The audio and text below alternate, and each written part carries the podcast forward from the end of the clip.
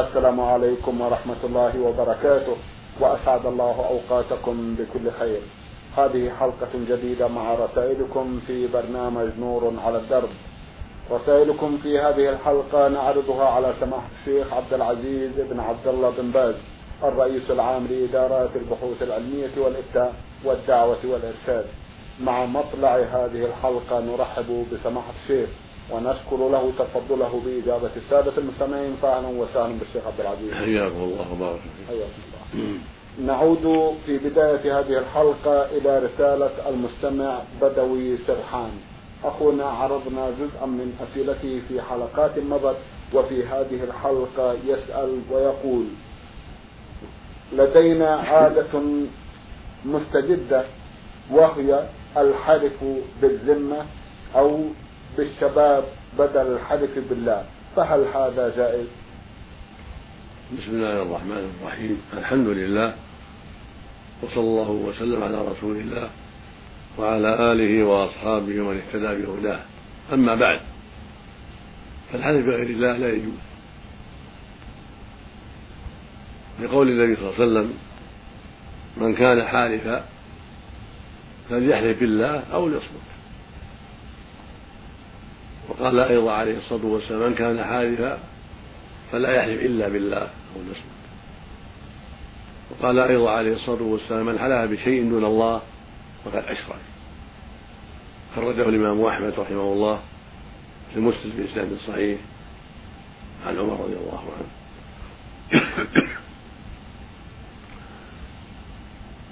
وخرج أبو داود والترمذي رحمهم الله بإسناد صحيح. عن ابن عن ابن عمر رضي الله عنهما عن النبي صلى الله عليه وسلم أنه قال من حلف بغير الله فقد كفر أو أشرك. وهذا يحتمل أنه شك من الراوي هل قال النبي كفر أو قال أشرك. أو المعنى أنه حصل له هذا وهذا وتكون الأو بمعنى الواو يعني كفر وأشرك وبهذا يعلم أن الحلف بغير الله لا يجوز مطلقا لا بالأنبياء ولا بالملائكة ولا بالكعبة ولا بالأمانة ولا بذمة فلان ولا رأس فلان ولا شرف فلان ولا حياة فلان ولا غير ذلك.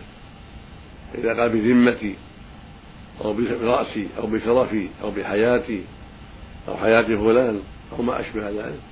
كل هذا لا يجوز. أو قال بالأمانة أو بالنبي أو بالكعبة. كل ذلك لا يجوز. وفي الحديث الصحيح يقول صلى الله عليه وسلم من حلف بالأمانة فليس منا. وبهذا يعلم أن الواجب على المسلمين الحذر من هذه الأيمان الباطلة. وأن يعود نفسه الحلف بالله وحده سبحانه وتعالى.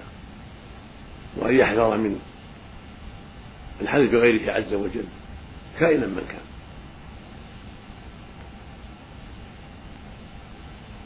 وهكذا لا يقول ما شاء الله وشاء فلان ولا يقول لولا الله وفلان ولا يقول هذا من الله ومن فلان بل يأتي ثم. يقول ما شاء الله ثم شاء إذا كان له تسبب الشخص بأن دفع عنك شرا وحماك بشر تقول ما شاء الله ثم شاء فلان ترك له. لولا الله ثم فلان لأن فعل معك معروف. هذا من الله ثم من فلان لا بأس. أما أن تقول لولا الله وفلان أو هذا من الله وفلان أو لا أو ما شاء الله وشاء فلان هذا لا يجوز. ولو من المحرمات الشركية. الواجب الحذر من هذه الكلمات ومن الحلف بغير الله سبحانه وتعالى تعظيما لله. وطاعة لأمره وأمر رسوله عليه الصلاة والسلام ووقوفا عند حدود الله عز وجل. نعم. إذا كان الرجل عنده خادمة وهو لم يأت بها إلا لحاجة ضرورية وهي تأكل وتنام مع العائلة ولا تتحجب عن صاحب البيت فما رأيكم؟ الواجب على الخادمة وعلى غير الخادمة. هو التحجب والحذر من الخلوة من الأجنبي سواء كان مخدوما لها أو ابن عمها أو ابن خالها أو أحد جيرانها أو أخا زوجها أو ابن عم زوجها أو عم زوجها أو ما أشبه ذلك. الواجب على المرأة الاحتجاب عن كل من ليس محرما لها من الرجال لأنها عورة فتنة والله سبحانه يقول وإذا سألتموهن متاعا فاسألوهن من وراء حجاب. ذلكم أطهر لقلوبكم وقلوبهم. فأوضح سبحانه وجوب الحجاب ولم يستثني وجها ولا غيره. وبين سبحانه أن أن هذا أطهر للجميع. أطهر لقلوب هؤلاء وهؤلاء للرجال والنساء. فدل ذلك على أن عدم الحجاب فيه خبث وفيه خطر. وهكذا قوله عز وجل وقل للمؤمنات يغضن من أبصارهن ويحفظن فروجهن ولا يبدين زينتهن إلا ما ظهر منها وليضربن بخمورهن على جيوبهن ولا يبدين زينتهن إلا لبعولتهن أو آبائهن أو آباء بعولتهن إلى الآية هذه آية صريحة في منع إبداء الزينة لغير المحارم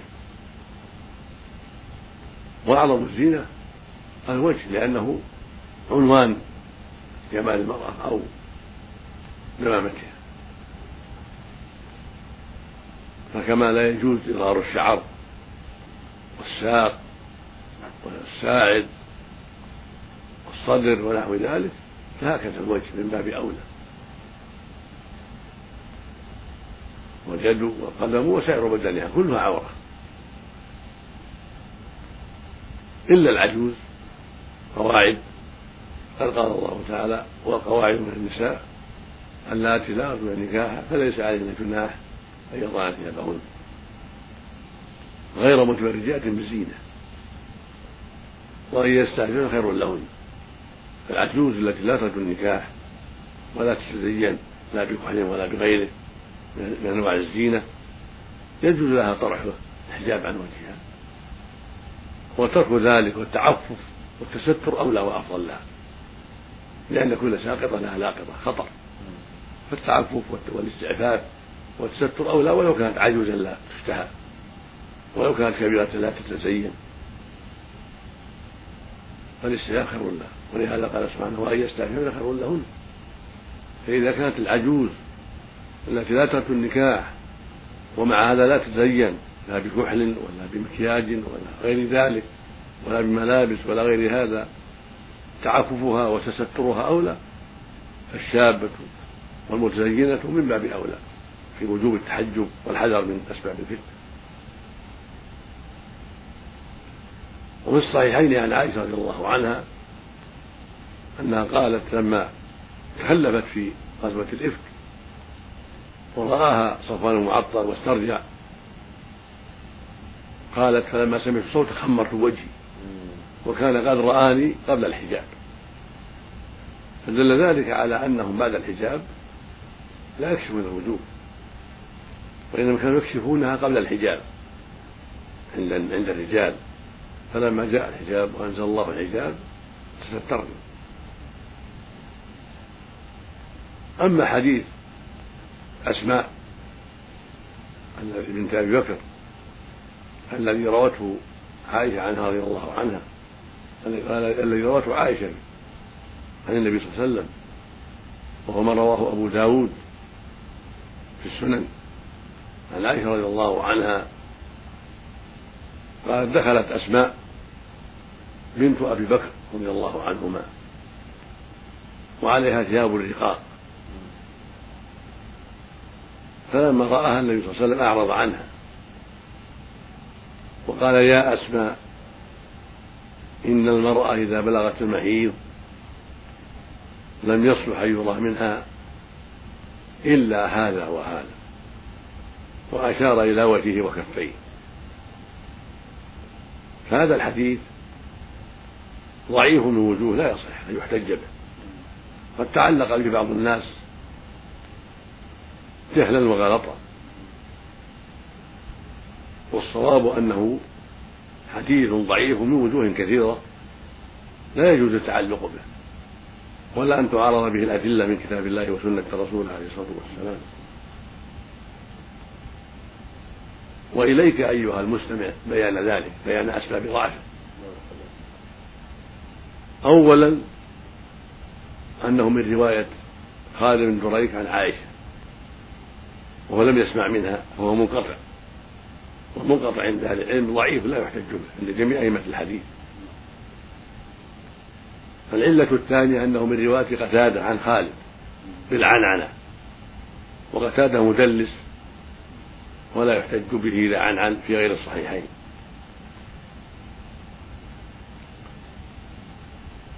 العلة الثالثة أن في سنده سعيد بن بشير. وهو ضعيف عند أهل الحديث لا يحتج به.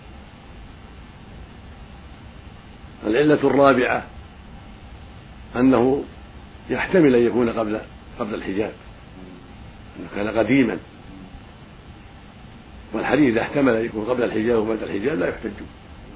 لأنه محتمل أن هذا لو صح أن يكون قبل الحجاب قبل أن يحرم على المرأة حجب وجهها وكفيها وكانت النساء قبل الحجاب يبدين وجوههن وأيديهن. فلما نزل الحجاب منعنا من ذلك. العلة الخامسة أن هذا لا يليق بمثل الأسماء ولا يظن بها ذلك لأنها امرأة صالحة وإذا أسن من عائشة وهي زوجة الزبير بن العوام أحد العشرة المشهود لهم بالجنة وحواري وحواري الرسول صلى الله عليه وسلم. فكيف يظن بها أن تدخل على النبي صلى الله عليه وسلم في ثياب رقيقة ترى منها العورة؟ كيف يظن يظن ظان أن هذا يقع من هذه المرأة الصالحة العظيمة الشأن.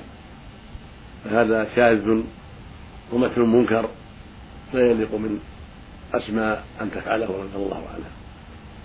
ولو فرضنا صحته ولو فرضنا وقوعه منها لكان محتملا أن يكون قبل الحجاب. مع أنك عرفت أنه ضعيف لا يصح من وجه من الوجوه. هو ضعيف من هذه الوجوه كلها. والله ولي التوفيق. نعم. جزاكم الله خيرا ونفع بعلمكم. رسالة وصلت إلى البرنامج من أحد الإخوة المستمعين يقول عين راء. أخونا يقول في رسالته أنا شاب أبلغ من العمر السابع عشرة إنني يا سماحة الشيخ مخلص العبادة لله تعالى وأؤدي الفروض الخمسة على أكمل وجه ولا أستمع الأغاني ولا الموسيقى والحمد لله. لكن قضيتي أنني أحس بعد انتهاء كل فريضة أنني لم أوفها حقها ولم أحس ولا ولا أشعر أن صلاتي قد قبلت. أرجو أن توجهوني حول هذا. جزاكم الله خيرا. علما بأنني بعد ذلكم الإحساس أجلس أدعو الله وأتوسل إليه بالتوبة والمغفرة. أرجو إرشادي. جزاكم الله خيرا. أسأل الله أن يزيدك خيرا وأن يثبتنا وإياك على الهدى واحمد ربك على ما يسر لك من الهداية واسأل ربك الثبات على الحق. أما هذا الذي يعتريك بعد الصلاة فهو من الشيطان ومن وساوسه الخبيثة ليؤذيك ويحزنك. فاتق الله واحذر هذه الوساوس وأحسن ظنك بربك. والله وعد المؤمنين الصادقين قبول الأعمال. فلا ينبغي لك أن تخضع لوساوس عدو الله. وعليك أن تحسن ظنك بربك. وقد صح عن رسول الله عليه الصلاة والسلام قال يقول الله عز وجل أنا عند ظن عبدي بي وأنا معه إذا دعاني. واللفظ الآخر وأنا معه حين يذكرني. فاتق الله واحسن ظنك بربك ولا تظن به خلاف ذلك. واجتهد في أداء صلاتك بغاية العناية والخشوع والإقبال عليها وأحسن ظنك بربك. وارجه سبحانه أن أنه قبل منك ولا توسوس ولا تسيء الظن بربك عز وجل. ولكنك ترجو أن يقبلها منك. وتحسن ظنك بربك ولكنك معها لا تحرص على الاستقامة والإكمال كما قال الله عن أهل الإيمان والتقوى والذين يؤتون ما آتوا وقلوبهم وجلة أنهم إلى ربهم راجعون. أولئك يسارعون الخيرات وهم لا سابقون. فعسى أن تكون من هؤلاء.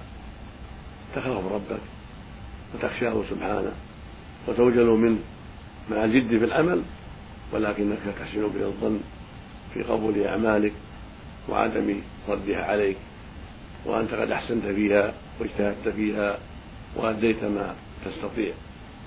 وهو القائل سبحانه فاتقوا الله ما استطعتم. نسأل الله لنا ولك التوفيق. اللهم جزاكم الله خيرا. سؤال يقول سماحة الشيخ ما حكم الشرع في الأموال التي تنذر للأولياء وتوضع في صناديق أضرحتهم؟ وهل لأحد فيها حق لانتسابه إلى هذا المولى؟ هذه الأموال التي تنذر للموتى وتقرب بها إليهم هذه نذور شركية باطلة وعلى من فعلها أن يتوب إلى الله وأن ينيب إليه وأن يستغفره سبحانه. لأن النذر عبادة كالصلاة والذبح كلها عبادات. فالذي ينذر لأصحاب القبور أو للأصنام أو للجن؟ كالذي يدعوهم ويستغيث بهم وكالذي يذبح لهم. كله شرك بالله عز وجل. فالواجب الحذر من ذلك. وهذه الأموال التي توضع في الصناديق من النذور يجب أن يأخذها ولي الأمر. وأن تصرف في وجوه البر والخير كالصدقة على الفقراء أو في مشاريع خيرية وأن تمنع منعا باتا إذا عثر عليها ولي الأمر المسلم يزيلها ويمنع الناس من هذا الأمر. ويعلمهم أن هذا لا يجوز وما كان موجودا فيها يوزع في وجوه الخير كما تقدم. ولا يجوز أن يقر هذا الصندوق بل يجب أن يمنع وتمنع السدنة الذين يدعون إلى ذلك ويعاقبوا بما يردعهم وأمثالهم وينادى في الناس في المساجد والخطب الصحف المحلية أن هذا شرك وأنه لا يجوز حتى يرتدع الناس حتى يعلم الناس ذلك. والواجب على العلماء أن يفعلوا ذلك. الواجب على أهل العلم في كل مكان أن يرفعوا هذا اللبس عن الناس بالكلام الطيب في الإذاعة الصحافة التلفاز حتى يكون الناس على بينة على بصيرة. والله يقول جل, وعلا في كتابه العظيم ادع إلى سبيل ربك بالحكمة والموعظة الحسنة وجادلهم بالتي أحسن. ويقول سبحانه قل هذه سبيلي أدعو إلى الله على بصيرة. ويقول عز وجل ومن أحسن قولا ممن دعا إلى الله وعمل صالحا وقال إنني من المسلمين. فالدعوة إلى الله من أهم الأمور وهي فرض على المسلمين فرض كفاية إذا قام بها من يكفي سقط عن سقط عن الباقين. فإن تركها العلماء والدعاء أثموا جميعا. فالواجب على أهل كل بلد وكل قرية من أهل العلم أن ينشروا العلم. وأن يبينوا للناس ما أوجب الله عليهم من الدعوة. من الإخلاص لله وتوحيد العبادة وعدم صرفها لغير الله كائنا من كان وتحريم الشرك قليله وكثيره صغيره وكبيره وهكذا بقية الأوامر والنواهي. يوضحوا للناس وجوب الصلاة أداء في الجماعة وجوب الزكاة وجوب صوم رمضان حج البيت مع الاستطاعة بر الوالدين صلاة الرحم صدق الحديث والأمر بالمعروف والنهي عن المنكر إلى غير هذا ما أوجب الله. كما أنه يجب عليه أن يبين للناس ما حرم الله عليهم من الشرك وترك الصلاة أو التساهل بها أو العقوق الوالدين أو أحدهما أو قطيعة الرحم أو أكل الربا أو الغيبة والنميمة أو قتل النفوس بغير حق أو شهادة الزور أو غير هذا مما حرم الله. هذا واجب العلماء. والله سائلهم سبحانه وتعالى. عما كتموا وعما لديهم من العلم وهذا أوان ذكر العلم. هذا وقت الغربة الآن. وقبل هذا الآن بأزمان كثيرة. الغربة في الإسلام عظيمة ومنتشرة. والعلماء قليل العلماء بالله وبدينه. أهل البصائر قليلون. الواجب عليهم مع قلتهم أن ينشروا العلم. وأن يتقوا الله في جميع الدول. في الدول الإسلامية وفي الأقليات الإسلامية وفي كل مكان. يجب عليهم أن ينشروا العلم وأن يعلموا الناس من طريق وسائل الإعلام. فقد يسر الله للناس اليوم وسائل الإعلام. طريق الإذاعة والصحابة والتلفاز والخطابة وسائل الأمور الممكنة كالنصيحة في المجتمعات والمحافل ونحو هذا مما يتيسر لطالب العلم إذا اجتمع بإخوانه أو في حفلة وليمة أو حفلة عرس أو غير هذا من أنواع الاجتماعات. المؤمن يستغل الفرص العالم يستغل الفرص حتى يشرع العلم وحتى يوضح للناس ما أوجب الله عليهم وحتى يشرح للناس ما حرم الله عليهم. وبذلك تبرأ ذمته وينتشر العلم وتقوم الحجة ويحصل له من الأجور مثل أجور من هداه الله على يديه. هذا من فضل الله سبحانه وتعالى. يقول عليه الصلاة والسلام في الحديث الصحيح من دل على خير فله مثل أجر فاعل ويقول عليه الصلاة والسلام من دعا إلى هدى كان له من أجر مثل أجور من تبعه. لا ينقص ذلك من أجورهم شيئا. والعكس بالعكس لا حول ولا قوة إلا بالله. يقول صلى الله عليه وسلم ومن دعا إلى ضلالة كان عليه من الإثم مثل آثام من تبعه. لا ينقص ذلك من آثامهم شيئا. ويقول صلى الله عليه وسلم لعلي رضي الله عنه أمير المؤمنين لما بعثه إلى خيبر لدعوة اليهود وقتالهم من أبوا قال له عليه الصلاة والسلام فوالله لأن يهدي الله بك رجلا واحدا خير لك من عمل النعم. هكذا يقول المصطفى عليه الصلاة والسلام. لابن عمه أمير المؤمنين علي بن أبي طالب الخليفة الراشد رابع الخلفاء. وأحد العشرة المشهود لهم بالجنة رضي الله عنه. يقول له النبي صلى الله عليه وسلم فوالله يحلف وهو الصادق وإن لم يحلف. لكن للتأكيد لأن يهدي الله بك رجلا واحدا خير لك من عمل النعم. فلا يليق بطالب العلم. ولا بالعالم أن يتساهل في هذا الأمر مع شدة الحاجة والضرورة إلى العلم. بل يجب أن يشمر أينما كان وأن يتقي الله وأن يراقبه وأن ينشر العلم. يريد ما عند الله من المثوبة يريد أن يهدي الناس وأن يرشدهم وأن ينقذهم مما هم فيه من الباطل وأن يخرجهم من الظلمات إلى النور. تأسم برسول الله صلى الله عليه وسلم وعملا بأمره.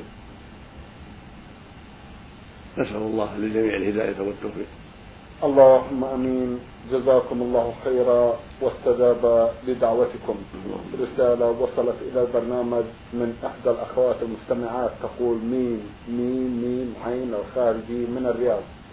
أختنا عرضنا مجموعة من أسئلتها في حلقات مضت وفي هذه الحلقة تسأل وتقول لي صديقة في سن المراهقه كانت تصوم ولا تصلي. وقبل مدة تابت إلى الله ورجعت إلى الصواب ولكن ضميرها يؤنبها ويعذبها على ما بدر منها من ترك للصلاة كسلا وتساهلا وجهلا بالدين. ووالداها لا يعرفان ذلك. أما هي لا تعرف ماذا تفعل. هل تصلي الصلوات التي تركتها؟ أم تكثر من صلاة السنة بعد وقبل كل فرض لعل الله أن يغفر لها؟ أفيدونا؟ جزاكم الله كل خير. من نعم الله عليها أن من عليها بالتوبة ورزقها الندم على ما مضى والحمد لله على ذلك.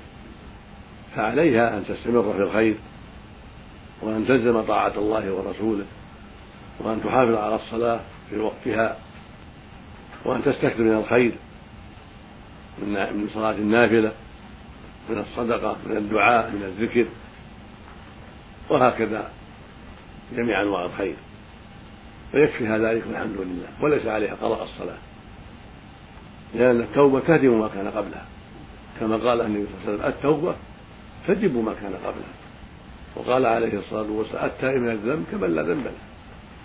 فلتطمئن وتحمد الله على ما هداها لها من التوبة. ولتعلم أنه لا شيء عليها عما مضى بل التوبة تمحو ذلك. مع الصدق والنصح في التوبة. والتوبة الصادقة تشمل أمورا ثلاثة. الندم على الماضي من الذنب والإقلاع منه وتركه والعزيمة الصادقة ألا يعود ألا يعود المذنب في ذلك. سواء كان رجل أو امرأة. هذه الأمور الثلاث لا بد منها في التوبة. ندم على الماضي وإقلاع من الذنب وعزم صادق ألا يعود في ذلك. وهناك شرط رابع إذا كانت الجريمة والذنب يتعلق بالغير. فمن تمام التوبة أن أن يعطي الحق لصاحبه ويرد عليه حقه أو يستحله من ذلك. كما لو كان الذنب خيانة في مال أو سرقة أو نحو ذلك فإن من شرط التوبة وتمامها أن يرد المال إلى صاحبه أو يستحله من ذلك. يقول الله سبحانه وإني لغفار لمن تاب وآمن وعمل صالحا ثم اهتدى. ويقول سبحانه لما ذكر الشرك والقتل والزنا في آية الفرقان في قوله سبحانه والذين لا يدعون مع الله إلها آخر ولا يقتلون النفس التي حرم الله إلا بالحق ولا يزنون. ومن يفعل ذلك يلقى أثاما يضاعف له العذاب يوم القيامة ويخلد فيه مهانا.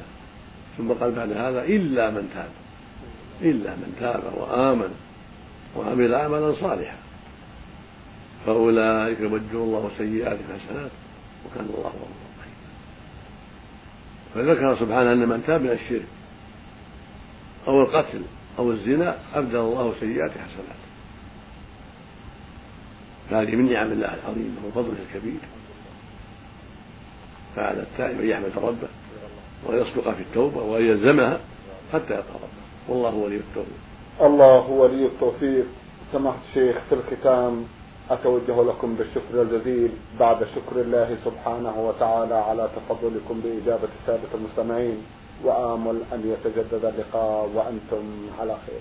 الحمد لله نسأل الله ذلك مستمعي الكرام كان لقاؤنا في هذه الحلقة مع سماحة الشيخ عبد العزيز بن عبد الله بن باز الرئيس العام لإدارات البحوث العلمية والإفتاء والدعوة والإرشاد.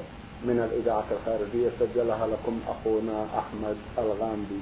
شكرا لكم جميعا وسلام الله عليكم ورحمته وبركاته.